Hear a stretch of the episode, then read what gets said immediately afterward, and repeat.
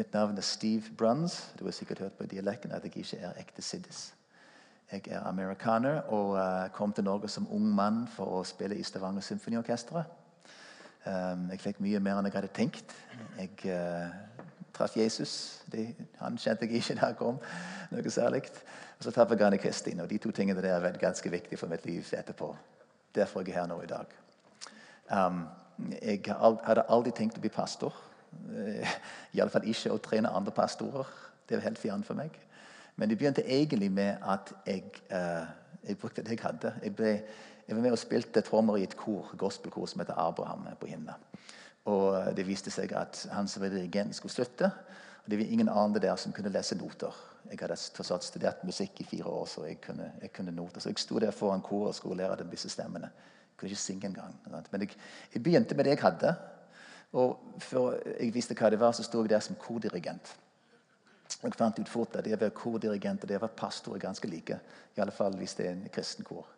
Så det er min, min vandring i dette her, uh, som varte i mange år. Jeg ble etter hvert lovsangsleder i IMI. og uh, I 2000 da, så ble jeg da headhuntet av Martin til å gå med på staben her. Uh, så jeg, jeg, begynte den vandringen her. og, og Først som lovsangsleder, som, som pastor. Nå leder jeg Agenda 1 menighetsnettverk og er med og utruste menighetsledere over eh, ja, mange land. Sju land akkurat nå, på tre kontinenter. Og det vokser stadig vekk. Og, eh, altså, eh, hvis jeg kan bli pastor, folkens, så kan hvem som helst bli pastor. Jeg hadde aldri fått et kall fra Gud. sånn Lin som kommer ned. og Begynte ikke på teologiutdannelser og sto der klar til det. Jeg bare liksom tok et skritt om gangen og brukte det jeg hadde. Og det er mitt vitnesbyrd. Jeg står her i dag og jeg er med og, og lever en drøm i dag. Fordi jeg har gått ett skritt om gangen fordi jeg har tatt det jeg har fått, og gitt det videre igjen. Og det kan vi gjøre alle sammen. Ja. Skal jeg bare stoppe? Var det nok? Nei. Å, hjelpe meg. Er det noen som har lagt merke til at OL er på for tida? Olympiske leker i Korea? Noen har lagt merke til det? Ja, Fantastisk at dere er her nå istedenfor å sitte hjemme og se på, på, ski. Dere som ser på TV nå, så, får, så får dere the best of both worlds. For OL så får dere mentale etterpå på, på nettet. her. Men, men, poenget er at det er veldig gøy. Jeg elsker å se på OL. Og heie og roper og sånt. Nordmennene eller amerikanerne, alt dette sånn. Sant? Og heier de fram, sant? roper, griner når de ikke går bra, og står der og feirer når de vinner. Sant? Seieren er vår. Ikke denne følelsen det er oss som vinner. Sant? Det, det er nordmenn. Når, nordmenn, når, når norske tar gull, så er det vi som vinner. Seieren er vår. Ikke sant? Stemmer det? Ja. ja. Og Det er en fantastisk ting. Men av og til får jeg inntrykk at vi lever våre liv som kristne på samme måte. Altfor mange av oss sitter der og heier. Sitter på sofaen eller i kirkebenkene og følger med på det som skjer på skjermen. Vi heier på de som vinner, og vi griner med de som taper. Det er klart her i kirka er, er vi mer i det, for vi tross alt er med å, å gi penger. Sant? Vi møter opp, vi ber, så vi er på en måte med på laget. Men likevel blir det fort at når, når Terje står på scenen her og, sånt, og forteller om titusenvis frelst og helbredere vi ser bilder fra Kambodsja og så tenker yes! Sånt, laget vårt med på seierslaget. Men likevel sitter vi her i benkene og tenker det er først og fremst noen andre som holder på med dette her, og jeg heier på dem. Vet du hva? Det har aldri vært Guds intensjoner at vi skal være tilskuere. Vi skal sitte passivt og følge med på det som går rundt oss. Og I dag vil jeg invitere hver enkelt av oss opp av sofakroken og ut på banen. Er det med? Jeg skal fortelle dere mer hva det går ut på. Jeg har lyst først å tegne litt um, bilde her og fortelle om det vanvittige som skjer gjennom IMI kirkes arbeid i utlandet, og gjennom Agenda 1 spesielt. Um, eh, historien er, er, fra et bedehus på Vestland til en global bevegelse på egentlig noen få år. Det er deres historie, for dere er med på det. Da Martin overtok eh, Stavanger Indremisjon i 1979 som bysekretær Vi hørte historien mange ganger før. Det var en ganske liten plass med få ressurser. en del eldre folk, Men, men det var en, en brann til å gjøre noe mer. Og Martens bønn forteller oss hele tida Gud, hva er det du gjør? Og hvordan kan vi være med på det som du gjør nå? Var de opptatt av å få tak i det som skjedde? Og så Ikke bare på, på, på, det som er på gang her, men, men, men hvem, altså, hva, hva tror du på å gjøre rundt oss her? Og hvordan kan vi med det du har gitt oss, være med på det som du gjør? Og Det begynte en vandring med, der eh, de vokste til å bli en større forsamling, en menighet, en større menighet. De vil få lov til å etter hvert å bli mer til en bevegelse, ikke bare en menighet. De startet impuls som da spredte seg fort. Vi tok med alfakurset fra England, og så begynte det å spre seg rundt i Norge. Vi hadde Teleios, vi hadde altså mange ting som etter hvert menigheten fikk tak i og fikk lov å dele med andre. Nå i dag er vi ikke bare en menighet, vi er en bevegelse. Vi har flere skoler, vi har misjonsarbeid i utlandet, vi har Agenda 1, vi har Impuls, vi har Godhet Norge. vi har det ene og det andre. Lovsang som sprer musikk over hele verden. Det, det, er mange ting som vokser ut ifra dette. her. Og Denne historien handler om det alltid, at vi får tak i det som Gud gjør. Det Gud har gitt oss, og så hvordan kan vi gi det videre så det har betydning for andre også. Dette er din historie. Skjønner vi det? Det er ikke bare de der ute. Hvis du hører til det i Misjaka, så er det din historie jeg forteller nå i dag. Og hvis du er med i en annen menighet, så er det din menighetshistorie det dreier seg om. Kanskje bare endre detaljer litt. Men så at vi er med på noe større. En menighet er ikke bare en plass vi går og sitter og tar noe imot. Vi er deltakere. Vi er del av, det er vi som er menigheten. Så Menighetens historie, menighetens vekst, menighetens seier, det er vår vekst og liv og seire. I uh, 2007 ble Imi kirke invitert med i noe som heter European Church Planting Network. På den tida vokste vi veldig. Det var Masse folk, nytt hus. Men likevel opplevde vi at egentlig veldig få mennesker kom til tro gjennom vår virksomhet. Veldig få mennesker ble kristne pga. Imi-kirka. Jeg tenkte det var noe som var galt her. Sånn hvis vi som Imi hadde vært en bedrift hvis årets resultat var antall mennesker som kom til Gud, som ble frelst, så hadde vi gått konkurs for lenge siden. Alle de ressursene, bygning, penger, stab, folk, aktiviteter. Men hva var egentlig frukten av dette her? på et godt år kanskje 10-12 mennesker som kom til tro. hovedsakelig gjennom alfakurs. Og Det var fantastisk. og Vi gleder oss for hvert enkelt menneske som kom til tro. Vi tenkte vi må gjøre noe mer. Og Det var den driven vi hadde for å kunne nå ut. Sant? På den tiden hadde vi fantastisk lovsang og, og god undervisning, godt fellesskap. Liksom. Alt det fungerte, men vi nådde ikke ut. Og I den lengst etter å nå flere så havnet vi i dette her European Church Planting Network. Og Det traff med menigheter fra hele Europa. Det er veldig ressurs, Bl.a. de som startet alfakurset fra England. Og misjonsbevegelser fra Sentral-Europa. Og eh, sånne mm, karismatiske gale menigheter fra Sveits. Masse forskjellige menigheter som kom med. Men det vi hadde til felles, var en lengsel etter å nå flere med evangeliet. Hvordan kan vi få mer av vår virksomhet rettet utover? Hvordan kan vi bygge misjonale menigheter og plante nye menigheter, nye fellesskap? Og Det var to viktige ting vi lærte der i ICP-en. Det første var et, en måte å jobbe sammen på. Et, et prosessverktøy som heter lærefellesskap. Så helt konkret det Vi gjorde, vi kom sammen to ganger i år med, med lederteam for hver av disse menighetene. her. Så var vi der på ett sted over to-tre dager. Der vi fikk hjelp til å være i en prosess. Vi fikk litt undervisning, vi skulle ta, jobbe i team og snakke om tingene. så presentere med hverandre og lære fra hverandre. Så Det hjalp oss i en prosess etter hvert til å kunne bygge misjonale menigheter. Så selve verktøyet var glimrende for å få i gang en prosess som varte over flere år. Det ble fulgt opp og lagt handlingsplaner og ble ansvarliggjort på dem. Så vi, vi, så en bevegelse ting som skjedde. Men det andre viktige ting vi lærte der, var en en ny måte å tenke menigheten på. Et nytt mindset. For Så mye av vår måte å tenke menigheter på i dag handler om strukturer, bygninger, budsjetter, stab. Alt det vi kan se og ta på. Det organisatoriske. sant? Begynte å se mer og mer, Men menigheten det er først og fremst mennesker. Det er mennesker som er kalt til å følge Jesus, ikke bare her i kirka, men hver dag. At Vårt kall som menighet er først og fremst å gjøre folk til disipler av Jesus. Etterfølgere av Jesus. Det er de følger mennesker, det er beviste etterfølgere av Jesus. Samme. Og vi så at Istedenfor å tenke så mye 'kom til oss', kan vi heller tenke 'gå til dem'. Istedenfor å tenke kom til vår gudstjeneste. Hvordan skal vi tenke å hjelpe hvert enkelt menneske å gå til deres naboer, på deres arbeidsplasser, deres skoler, og si at de betydde en forskjell der de var? Nå skal vi preke med dette lenge her. og så, og så samler vi hele gjengen i Imikirka, hundrevis av mennesker, på en lørdag. Vi stilte to spørsmål. Det første er hvem er du sendt til? Det neste var hvem er du sendt sammen med? Vi hadde sett at, at, Hvis vi kunne bare hjelpe den enkelte til å forstå at de var sendte mennesker og, og, og, hjelpe dem til å lykkes med det Gud hadde kalt dem til å gjøre, da, vil vi lykkes som menighet. Og Det skjedde en frontal endring i måten å tenke menigheten på, som førte til fort at vi så dette gudslivet leves ut på mange planer. Sånne fantastiske ting som skjedde.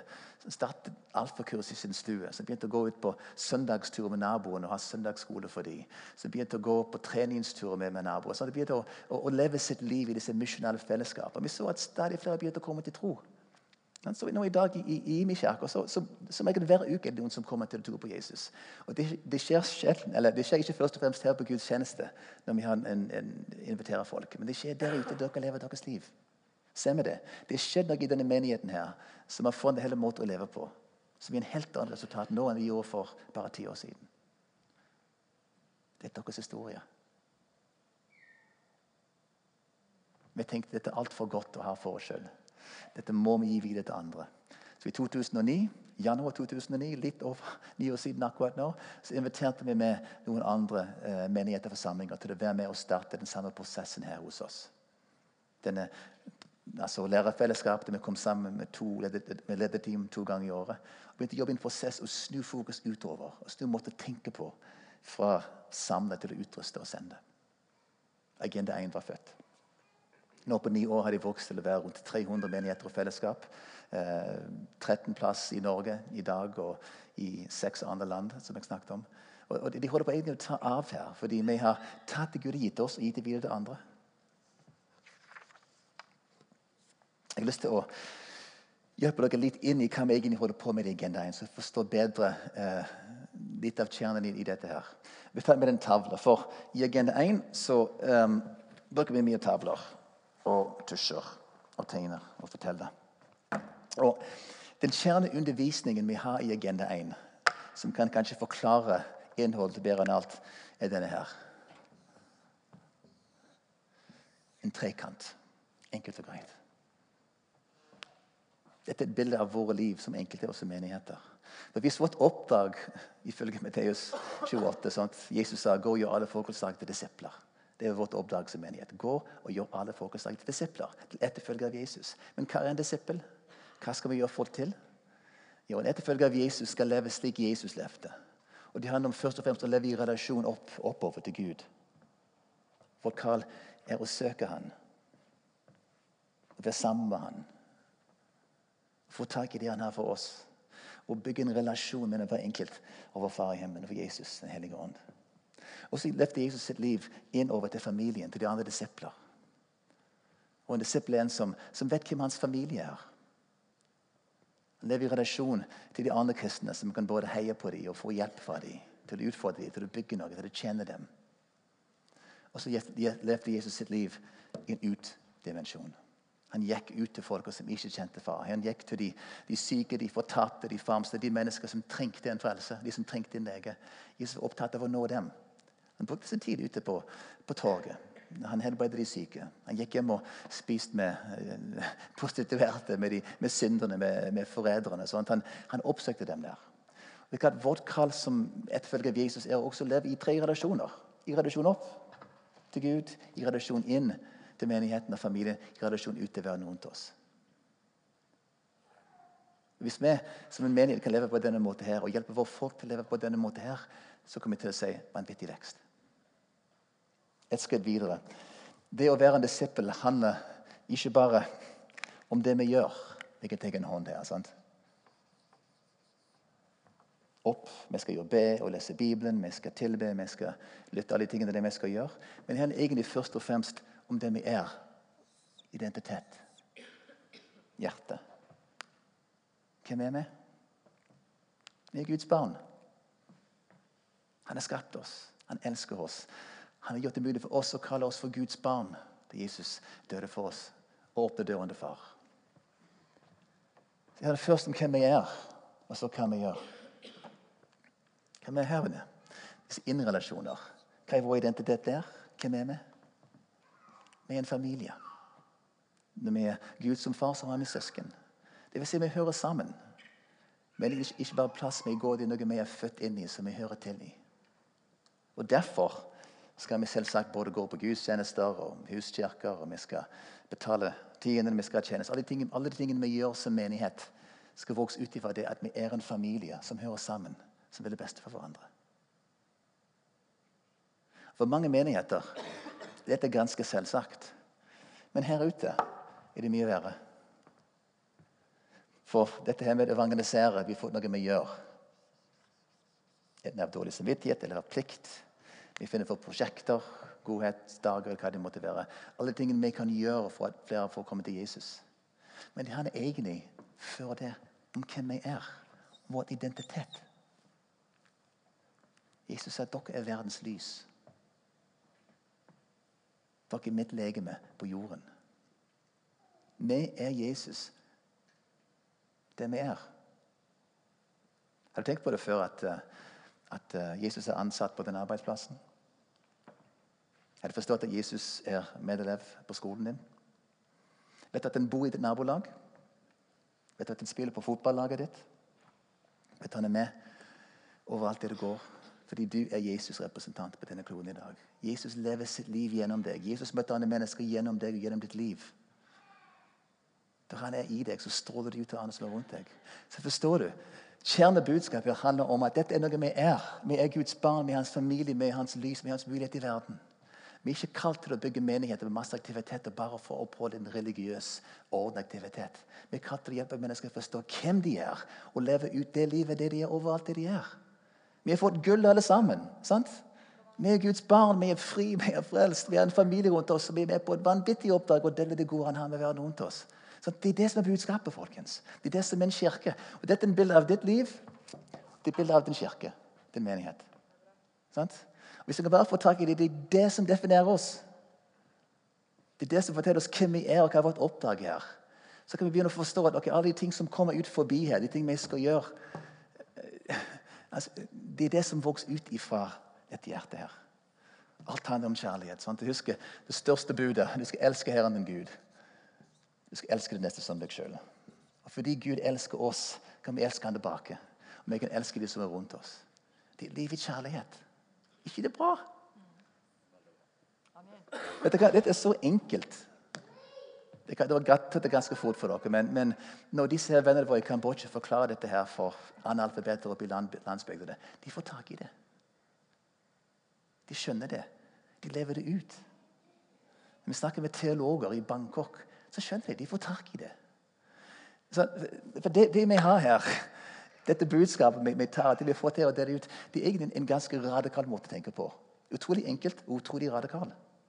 For vi utfordrer en mindset som vår kirke har levd i i 1700 år.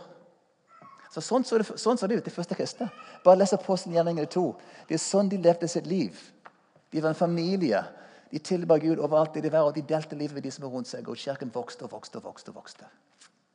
Det skjedde noe underveis. uten at det er hele historien. Men Kirken ble etablert som en statsreligion. Det ble ordnet i former med biskoper og poster og prester som gikk på teologisk utdannelse for å forstå Guds ord og formidle det videre til de som var rundt det. Folk kom i kirker og hørte Guds ord fortalt fra et annet språk og forklarte dem. De ble passifisert. De ble satt i som, Det ble denne forskjellen mellom sånt lek og lærd. Mellom de profesjonelle kristne og de vanlige hverdagskristne De bygde flott, store bygninger. og. Vet du hva? Det fantes ikke en kirkebygning de første 300 årene. Så Kirken i dag har blitt hva måtte tenke kirken på i dag, er noe helt annet enn det som var det opprinnelige.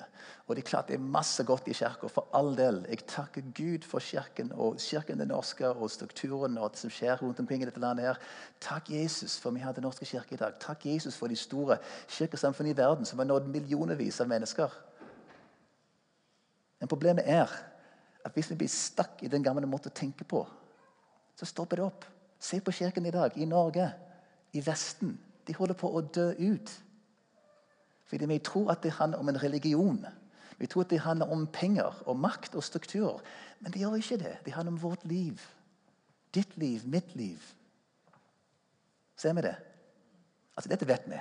Dette lever vi i hver dag her i menigheten. Vi forstår dette her, kanskje ikke på denne måten, men vi, vi, har skjønt det, for vi lever i det. Vi ser at det skjer.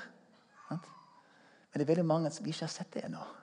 Under dere å vært der altså Dette deler jeg over hele verden, og de som er trener, opplever det også. Men det var en dag i Thailand eh, jeg delte den undervisningen. og Der satt en mann som heter Dewey, på tredje benk. Jeg så mens jeg talte, ble hans øyne store, større og større. Opp. Så reiste han seg opp. Unnskyld. Så, så, sa han gjennom, gjennom tolken da altså, Mener du virkelig at det er så enkelt som dette? At, vårt kall som pastor er å bare å gjøre folk til disipler. Og at de skal gjøre flere til disipler.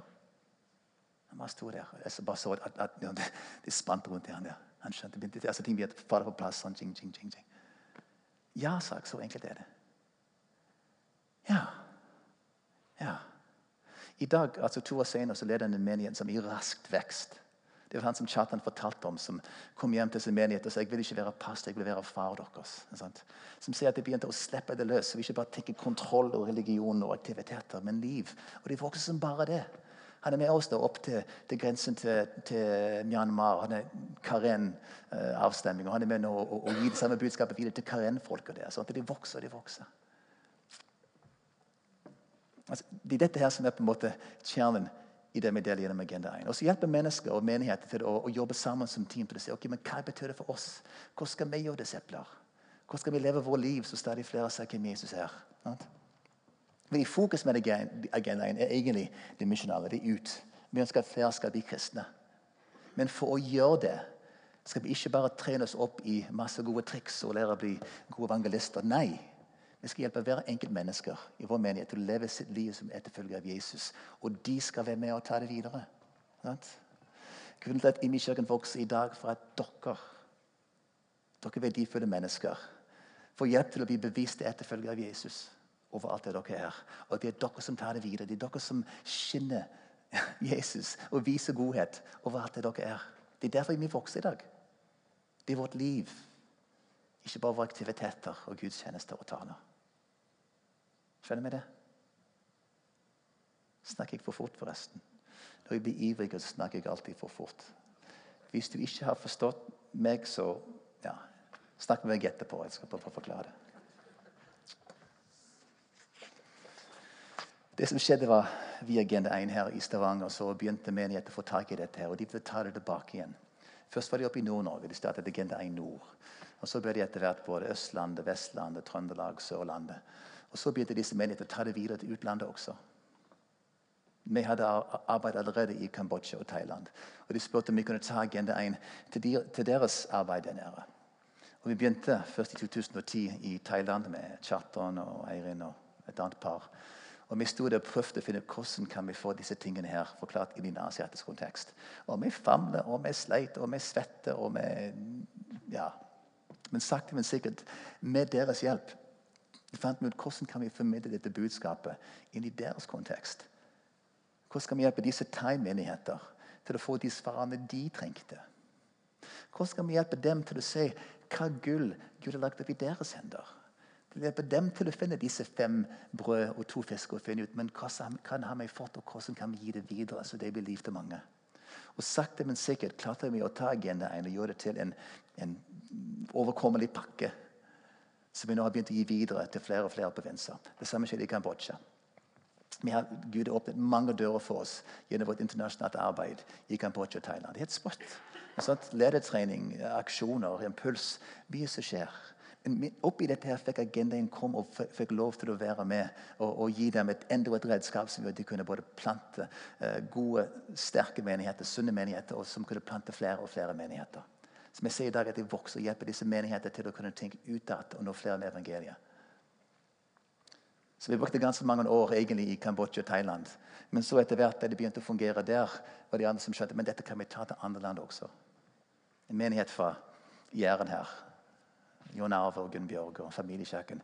De hadde et arbeid opp i, uh, med akkafolket som kom over grensen fra Myanmar til Thailand for å få trening. Så begynte å jobbe med Agenda 1 der.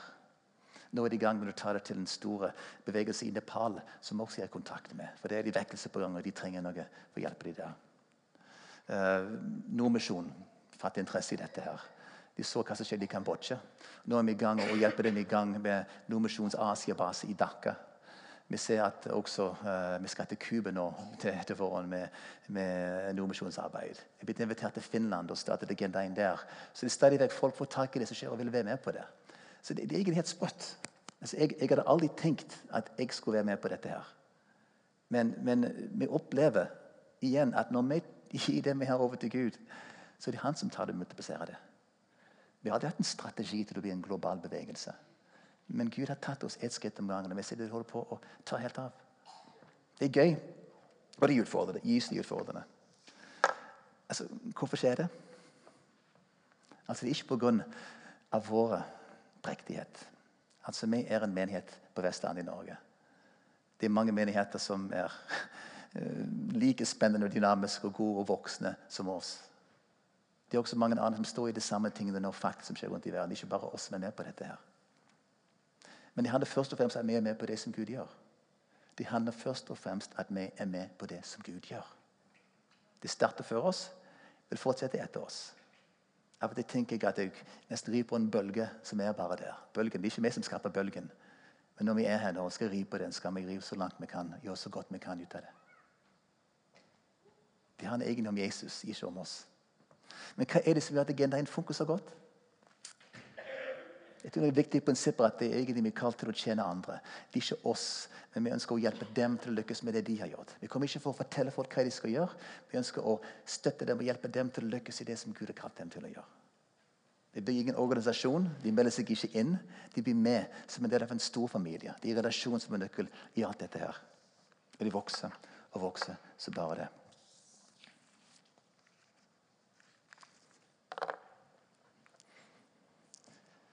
Jeg sa før at jeg aldri hadde tenkt at jeg skulle bli pastor.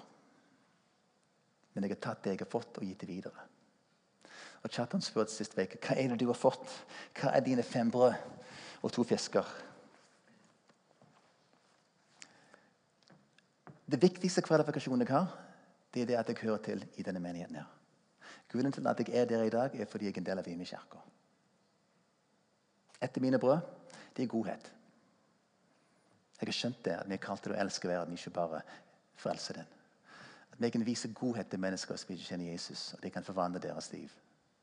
Jeg har drukket mange liter kaffe med gamle kvinner. og Jeg har eh, ryddet i hagen og klippet hekk. Jeg har malt hus og vasket biler. Jeg har lekt med ungene til enslige mødre. Jeg har vært med på denne godhet så lenge nå at det blir en del av den jeg er. Det er det mine brød. Jeg vet hva det sier å vise godhet og hjelpe andre til å vise godhet. Er det flere som har fått den her? Er det flere som har fått et sånt brød? Ja. Et annet brød det er min huskirke. Det jeg har skjønt jeg er kalt til å leve liv med andre. At jeg møter de regelmessig. At de blir en del av min familie. At vi kan leve livet sammen. Støtte hverandre, utfordre hverandre, lære sammen. Vi kan feire. Vi kan sørge. Vi kan leve livet der med de andre. Og Det er et brød jeg kan gi videre. Hjelpe andre mennesker til å forstå hvordan livet i hjemmene er jo like viktig som det som skjer i huset. Er det flere som har fått et sånt brød? Som er i huskirka, eller cellegruppe eller bibelgruppe? Ja, har du skjønt det? Ja. En av mine fisk fiskene mine. Liker den? Ja. Jeg fant ikke fordi ikke den lukten i dag. Altså, en av de fiskene jeg har fått, det heter språkkafé og innvandrerarbeid. Jeg lærte da jeg satt der ute med disse her folk, disse innvandrere, flyktningene som kom, at jeg kunne faktisk kommunisere med andre mennesker uten å bruke språk. Vi kunne dele vafler med dem, vise godhet. Kunne finne fram telefoner, vise våre familier eh, hvor vi kommer fra, våre hjem.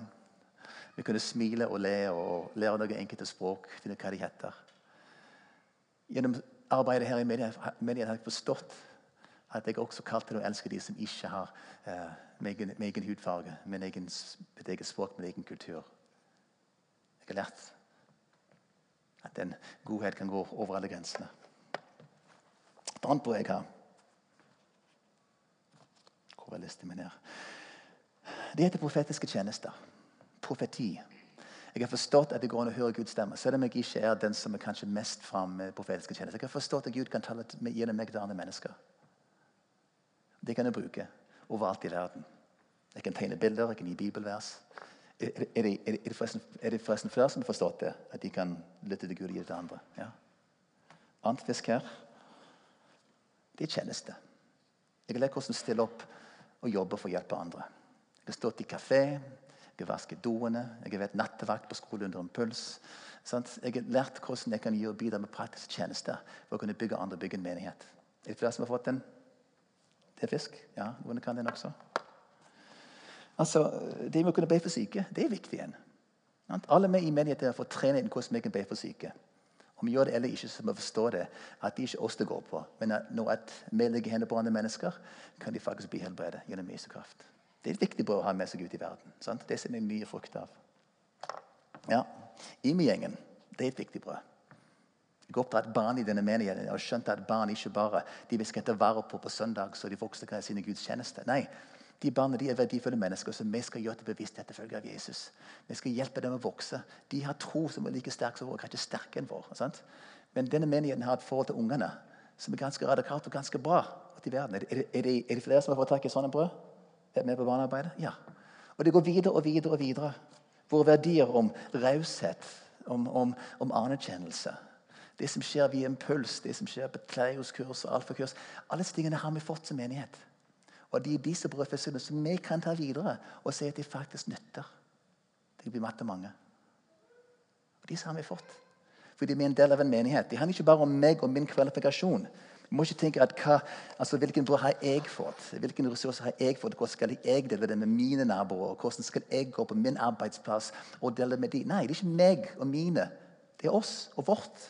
Vi står sammen. Vi er med på lag. Vi er med på et team her. I disse timene kan vi forandre verden.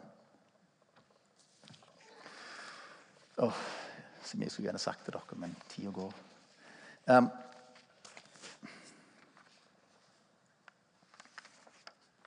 Hvor er vi da?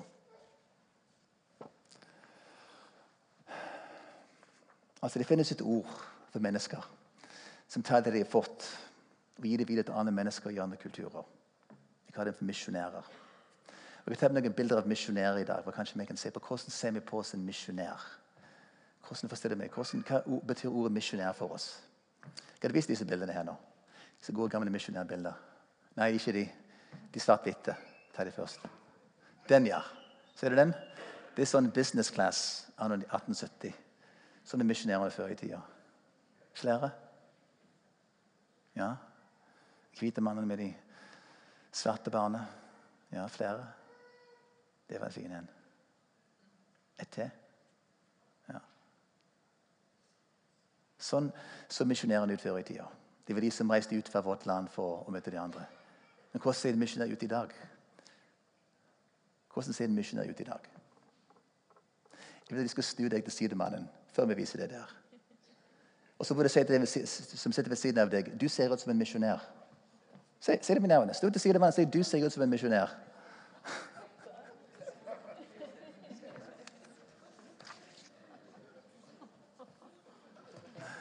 Jeg skal fortelle dere om Tom Kenneth i midten her og, og Tracy. De er med i Nordkirken Sandnes. Tracy har vært pastor i noen år, og Tom Kenneth er med, som, han er med i styret. styret der. Tom Kenneth har uh, fast jobb som uh, ingeniør. Han har til de tre unger, så han er småbarnsfar. Travelt sted av livet. Men da jeg spurte dem for noen år siden om de ville være med på det som skjedde i Kambodsja, så sa de ja. Tom Kenneth fikk lov av kona og ungene til å reise vekk to ganger i året. Og de begynte å følge med ned, følge med meg ned til Kambodsja to uker i året. De er med når vi reiser rundt uh, til ca. tre provinser. til de samme provinsene hver gang. Vi driver Agenda 1 der. Uh, de vært med på undervisningen. og, og uh, De er med på forbønn. De er med å, og bygge relasjoner med de som kommer der. De, de, er en del av, av, det. De er kulturbærere. De tar med det som vi har fått her i våre menigheter, og gir det videre til de som har kommet der. Første gangen var de ganske usikre på, på hvordan de kunne egentlig gjøre det. Men etter hvert skjønte de at når de kom ned, så ble de omfavnet. De ble tatt imot som familie. Disse menneskene satte pris på at vi var der. Og Vi kunne dele med dem på mange måter. Ikke bare gjennom undervisning, men også med å, å snakke med dem. Og be for dem. Og dele profetiske ord med dem. Og be for de syke og helbrede dem. Sist vi var der, så var det ei, ei dame som holdt på å lage mat, som tydeligvis ikke hadde det godt. Hun skreik og holdt på og var helt ute. Og disse mente at hun var besatt har fått noen ånd som påvirker henne. Kan dere være med og drive denne ånden ut? Så de sa klart vi kan det. De hadde ingen erfaring, aldri vært med på det før, men de ble med. Sammen med lokale teamet der, og de ba for dame der. Nå For en måned siden så fikk vi beskjed da teamet kom tilbake til samme plassen, at hun blir helt fri, helt frisk. Det som plaget henne i mange år, var borte. Noen helt normale igjen. Sant? Spennende ting som skjer. Små ting. Fordi de har valgt å ta det ene skrittet om gangen. Og kanskje det viktigste som har skjedd med disse her, er at de har vært med å reise opp et, et lederteam i Kambodsja. Og, og, gi folk tro på seg selv, at de kan ta videre det de har fått.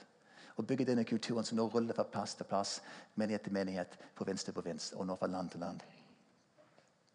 Ei til på teamet som heter Anne Kett. De de første gangene. Hun bare ba. Det var hennes oppdrag. Hun satt der. Hun ville ikke fare på scenen, men hun ba.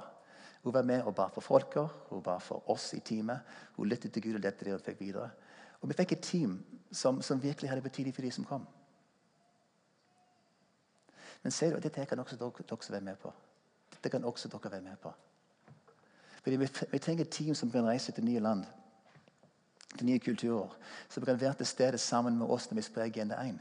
Fordi Vi ser at Agenda 1 som verktøy fungerer veldig bra. Men vi kan ikke bare gi det manualen. For det er kulturen som leves gjennom Agenda 1, som er egentlig det som, som får det til å fungere.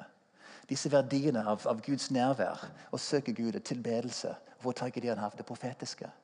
Disse verdiene om familie, der vi anerkjenner hverandre og løfter hverandre opp. Eh, raushet, disse tingene her. Og ikke minst denne godhetsperspektivet som vi har som menighet. Disse, det er disse verdiene som vi kan ta med oss.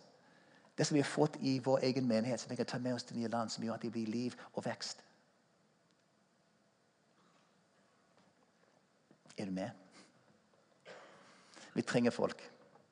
For de vokser videre og videre. Vi trenger utruste kulturbærere som sier ok, jeg vil være med på dette. her. Jeg kan være med og reise. Kanskje én gang i første omgangen. Denne uka her så, som kommer nå, det en hel haug med folk som er i Kambodsja. Som blir å reise rundt som kulturbærere. Eh, store aksjoner. Det kommer til å bli sannsynligvis masse mennesker frelst, helbredet. Reist opp nye menigheter. Og vi er med på dette her. Du kan reise nå i sommer på en uh, ganske enkel måte å innpass på. Det skal være egen sånne, sånne turist um, sånne tur til Thailand. Du kan melde deg på og bli med på et team som skal ned og få smake på kulturen og møte det som er der. Men du kan også gjøre det samme som Tom Kenneth Facey gjorde. Du kan si 'Jeg vil være med'. Jeg har lyst til å ok, bli med meg, bli med teamet til uh, ut i verden to ganger i året. Sett av to uker i året. Det koster litt. Du er med på forberedelse. Men så kan du faktisk være med på frontlinjene, det de skjer. Og bære det du har fått. Vi trenger forbedrere. Vi trenger folk som har et hjerte for barn og ungdom. Vi trenger lærere. Vi trenger folk med det profetiske gave. Folk som vil be for de syke. Folk som vil, som vil ha praktisk tjeneste og kjenne alle gjennom det. Vi trenger folk som vil være med i team og ta det vi har fått her, ut i verden. De fem brød og to fisk vi har fått. Slik at det kan bli til mat til mange. Etter påske kommer vi til å starte en misjonsskole her i menigheten. Fem kvelder der vi inviterer folk til å komme som har lyst til å prøve det ut og lære mer om dette. her. Fem kvelder der vi oppdager hva Gud har gitt oss, og hvordan vi kan bruke det videre. Der vi snakker om hvordan vi kan krysse kulturbarrierer. Hvordan kan vi møte mennesker fra andre kulturer på en måte med respekt som gir oss en kontaktrelasjon. Er du med?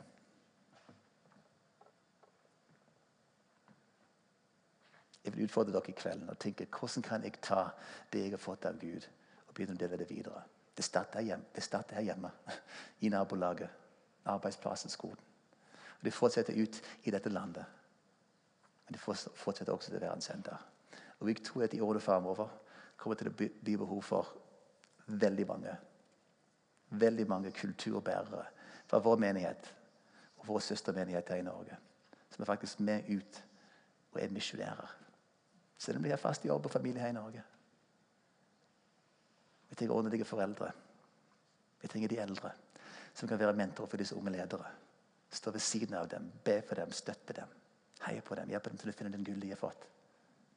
Finn Kolnes, glimrende eksempel. Han reiser ned til Thailand en måned i året og er bare der. Han er en far for disse folka her. Det betyr så mye at han er der. Du trenger ikke undervise engang. Kjell og Kåre Bødalen, som er nå i Kambodsja, de er fedre for disse unge ledere der. De har en vanvittig viktig rolle i dette. Ikke fordi de er så flinke å stå og seg og undervise, men de er. De tar det de har, og de er der og gir det videre. Så vi reiser oss?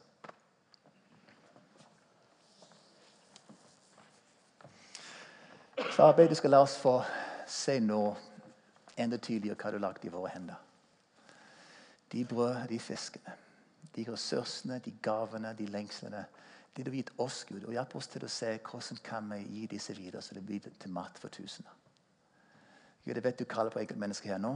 Du planter visjoner og ideer og drømmer. Og jeg ber i tida framover du skal få lov å krystallisere disse her, så de blir faktisk til handling. Gud hjelp oss til å se hvordan du vil ta det videre i våre liv. Både her i nabolaget, på arbeidsplassen og skolen.